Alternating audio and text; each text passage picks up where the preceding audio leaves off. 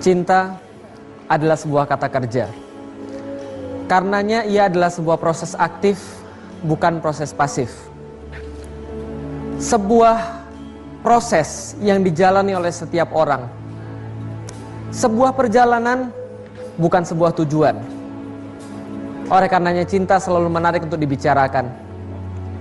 Karena cinta adalah sesuatu yang membuat manusia menjadi manusia. Dan karena itulah kita melihat dalam cinta, sengsara berubah menjadi sebuah hal yang bersifat bahagia. Derita menjadi sesuatu yang kemudian akan dibanggakan di hari ke depan.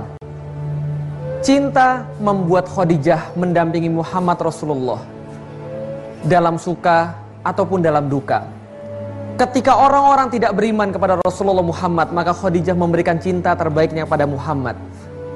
Tatkala seluruh orang menjauhi Rasulullah karena Rasulullah dianggap sebagai orang gila, maka Khadijah menemani beliau. Maka pantas saja. Tatkala suatu hari Aisyah merasa cemburu karena wajar seorang istri yang sedemikian anggun, sedemikian cantik, sedemikian jelita, muda, bisa diajak untuk bercandaria. Kemudian beliau selalu mendengarkan Rasulullah menyebut-nyebut nama Khadijah. Kemudian Aisyah bertanya, "Wahai Rasulullah, apa ada yang kurang daripada diriku? Aku muda, aku jelita, dan aku siap menemanimu kapan saja. Mengapa engkau terus membicarakan tentang Khadijah?" Maka Rasulullah dengan kelembutan Walaupun beliau merasa sesuatu ada yang tidak beres, maka beliau berkata pada Aisyah, "Wahai Aisyah, jangan engkau berkata seperti itu. Sesungguhnya Khadijah adalah orang yang beriman kepadaku di saat orang lain tidak beriman.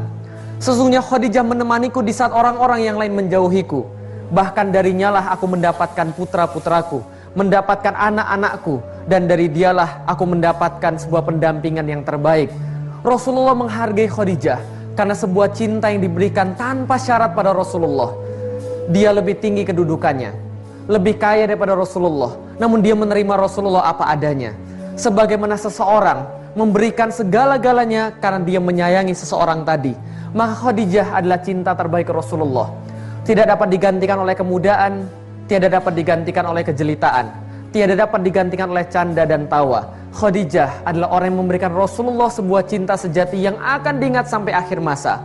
Karena sebuah cinta bukan hal yang didapatkan ketika luang dan ketika lapang.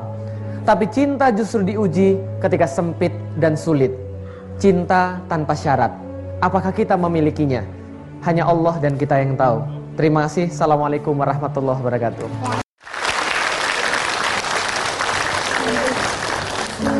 Cinta adalah sesuatu hal yang dari dulu sampai sekarang tak habis dibicarakan. Tidak cukup zaman untuk membicarakan tentang cinta, bahkan untuk mendefinisikan tentang apa cinta itu kemudian membicarakan. Tapi lantas dunia zaman sekarang mereka terpengaruh oleh romantisme dan berharap romantisme-romantisme lantas seperti sinema-sinema yang ditonton ataupun impor-impor film yang kita lihat dari luar. Kemudian cinta mulai diartikan sempit, hanya seperti ketampanan wajah, ataupun kemudian uang yang berlimpah, ataupun sekedar mobil mewah. Lantas orang mendadak bisa berbicara tentang cinta. Lantas orang mendadak semua boleh berbicara tentang cinta. Romantisme kembali lagi diartikan hanya sekedar dua insan yang kemudian berjumpa kemudian mereka melakukan rangsangan-rangsangan secara fisik, kemudian mereka berakhir dengan penyesalan. Cinta mulai ditukar dengan mawar ataupun ditukar dengan hanya sebatang coklat yang luluh ketika beriring dengan waktu. Maka kita pun mulai bertanya, seperti apa rumah tangga yang benar-benar ada cinta di dalamnya? Orang banyak jauh mencari ke timur dan mencari ke barat untuk mencari arti tentang apa namanya cinta mencari di sinetron, mencari di film-film yang kemudian hanya mengumbar tangis dan air mata dan mengartikan mereka paham tentang cinta. Tapi mereka lupa, Rasulullah adalah orang yang paling romantis seumur hidup. Kita kenal Rasulullah adalah seorang pendakwah yang luar biasa. Tapi beliau selalu mengajak lari istri-istrinya, tanding lari ceritanya. Pernah satu waktu ketika Rasulullah beristrikan Aisyah, ketika itu Aisyah masih orang yang masih kurus, masih langsing Rasul mengajaknya tanding lari dan tentu saja uh, Aisyah yang menang. Suatu waktu tatkala Bunda Aisyah sudah kemudian agak berumur dan kemudian mendapatkan tubuhnya lebih berat daripada biasanya, maka Rasul mengajak dia tanding lari kembali. Dan tentu saja Aisyah kalah dan Rasul minta agar Aisyah menggendong Rasulullah di pundaknya. Sebuah candaan ala Rasulullah yang luar biasa. Rasul biasa mandi bersama istrinya. Tapi tentu saja Rasul, bahkan rumah tangga Rasul mencontohkan kepada kita tiada rumah tangga yang tanpa masalah yang harus dihadapi dengan ilmu tentunya. Imam Bukhari meriwayatkan kepada kita satu hadis.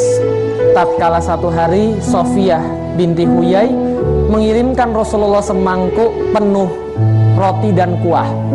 Tatkala Rasul kemudian mendapatkan orang yang mengantarkan mangkuk berisi dengan roti dan kuah tadi, beliau sedang berada di rumah Aisyah bersama dengan tetamunya yang sedang berada di ruang tamu dan sedang membahas tentang Islam.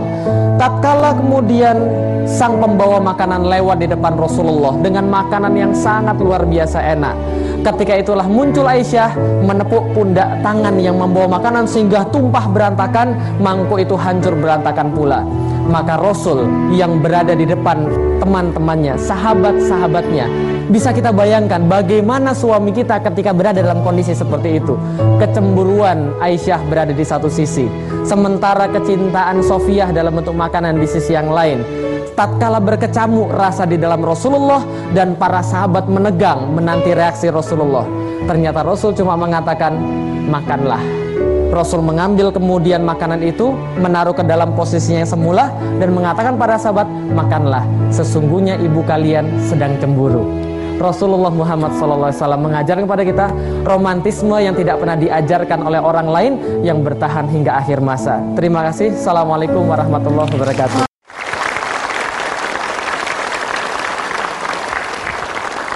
Cinta itu memikirkan yang dicintai. Bukan hanya kemarin dan kini, tapi nanti. Mari kita berbicara tentang masa depan agar hari esok yang dijelang bukan suatu kesengsaraan.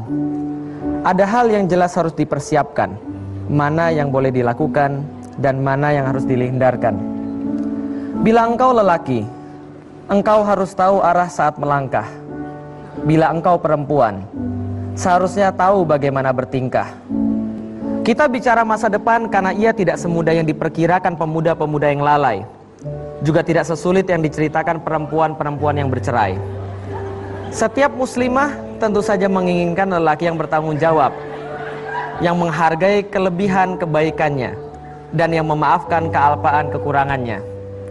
Muslimah mana yang tidak ingin lelaki berbudi pekerti, baik hati, tinggi iman, dan lurus amal. Muslimah selalu menanti lelaki elok akhlak padan rasa yang memiliki kelembutan dengan anaknya, dengan istrinya dia mesra. Muslimah mana yang tidak mendambakan lelaki yang bisa mengawalnya jauh dari neraka dan membimbingnya menuju surga Allah. Lelaki mana yang tidak suka dengan wanita yang cerdik cendekia lagi berparas menawan, yang lisannya seanggun geraknya. Lelaki yang baik pasti menyukai wanita lemah lembut lagi santun, pintar membahagiakan suami dengan masakan dan perhatian, tidak tamak harta dan selalu menjaga kehormatan. Lelaki mana yang tidak memimpikan wanita yang mendukungnya dalam kebaikan dan mengeluarkan kebaikannya, dirindukan bila ditinggal dan menyenangkan bila berjumpa. Sialnya, kita hidup di zaman kapitalisme yang mengajarkan lelaki dan wanita masa kini untuk memperhatikan fisik bukan isi. Perhatikan badan bukan iman. Kapitalisme sukses menjadikan kebahagiaan materialistis sebagai tujuan tertinggi hingga buat sebagai tujuan yang tertinggi. Maka hedonisme, anak kandung kapitalisme, sukses menjadikan lelaki hanya peduli nikmat sampai batas kulit. Wajar bila kita melihat di mana-mana lelaki jadi miskin, tanggung jawab dan fakir komitmen. Bila lelaki yang tidak lulus ujian tanggung jawab dan komitmen, merekalah yang akhirnya masuk dalam jurusan pacaran. Cinta disempitkan dalam arti pacaran, terbatas pada rayuan palsu dan gandengan tangan. Padahal pendamping yang saleh tiada pernah didapatkan dari proses pacaran, karena kesalehan dan kebatilan jelas bertentangan. Hak dan batil tidak akan pernah bertemu bagaikan fata morgana yang janjikan kemuliaan semu. Bagaimana bisa lelaki yang sudah memahami pacaran itu berbuatan yang dilarang oleh Allah, memaksa dengan berbagai alasan agar engkau berbagi dosa dengan dia, melawan Allah. Lalu yang seperti ini bisa jadi panduan setelah menikah. Sebelum halal saja, dia sudah berani katakan sayang kepadamu. Jangan heran bila setelah dia menikah, dia berani katakan itu pada wanita-wanita yang lain. Toh sama-sama bermaksiat pada Allah. Jika sebelum akad saja ia sudah berani melabuhkan tangannya pada tubuhmu, jangan heran bila setelah menikah ia mampu lakukan itu pada wanita-wanita yang lain. Toh sama-sama dosa pada Allah yang tiada takut dosa saat sebelum menikah. Tentunya jangan harap ia takut dosa setelah menikah. Terima kasih. Assalamualaikum warahmatullahi wabarakatuh. Wah, ada satu hal yang sangat penting, komunikasi, pemahaman di antara dua pasangan suami dan istri. Dan ini sangat mudah sekali dilakukan apabila semuanya dilakukan karena Allah. Catat dua kata ajaib karena Allah. Maka dengan karena Allah semua akan jadi lebih mudah. Karena kenapa? Karena karena Allah semua diringankan oleh Allah, beban semua diambil oleh Allah. Ketika dua cinta itu kemudian berpadu dan Allah yang menjadi penjamin bukan wajah, bukan harta, maka insya Allah sampai Allah kemudian ada, maka cinta itu akan tetap ada. Lakukan karena Allah. Maka cintai dia karena Allah, maka kita bisa menemukan cinta itu di dalam ruku, di dalam sujud, dalam tilawah Quran, dalam setiap ketaatan-ketaatan dia pada Allah, maka di situlah kita mencintainya dan mudah-mudahan Allah menjadikan cinta itu menjadi alasan untuk berbagi di surga. Terima Amin. kasih.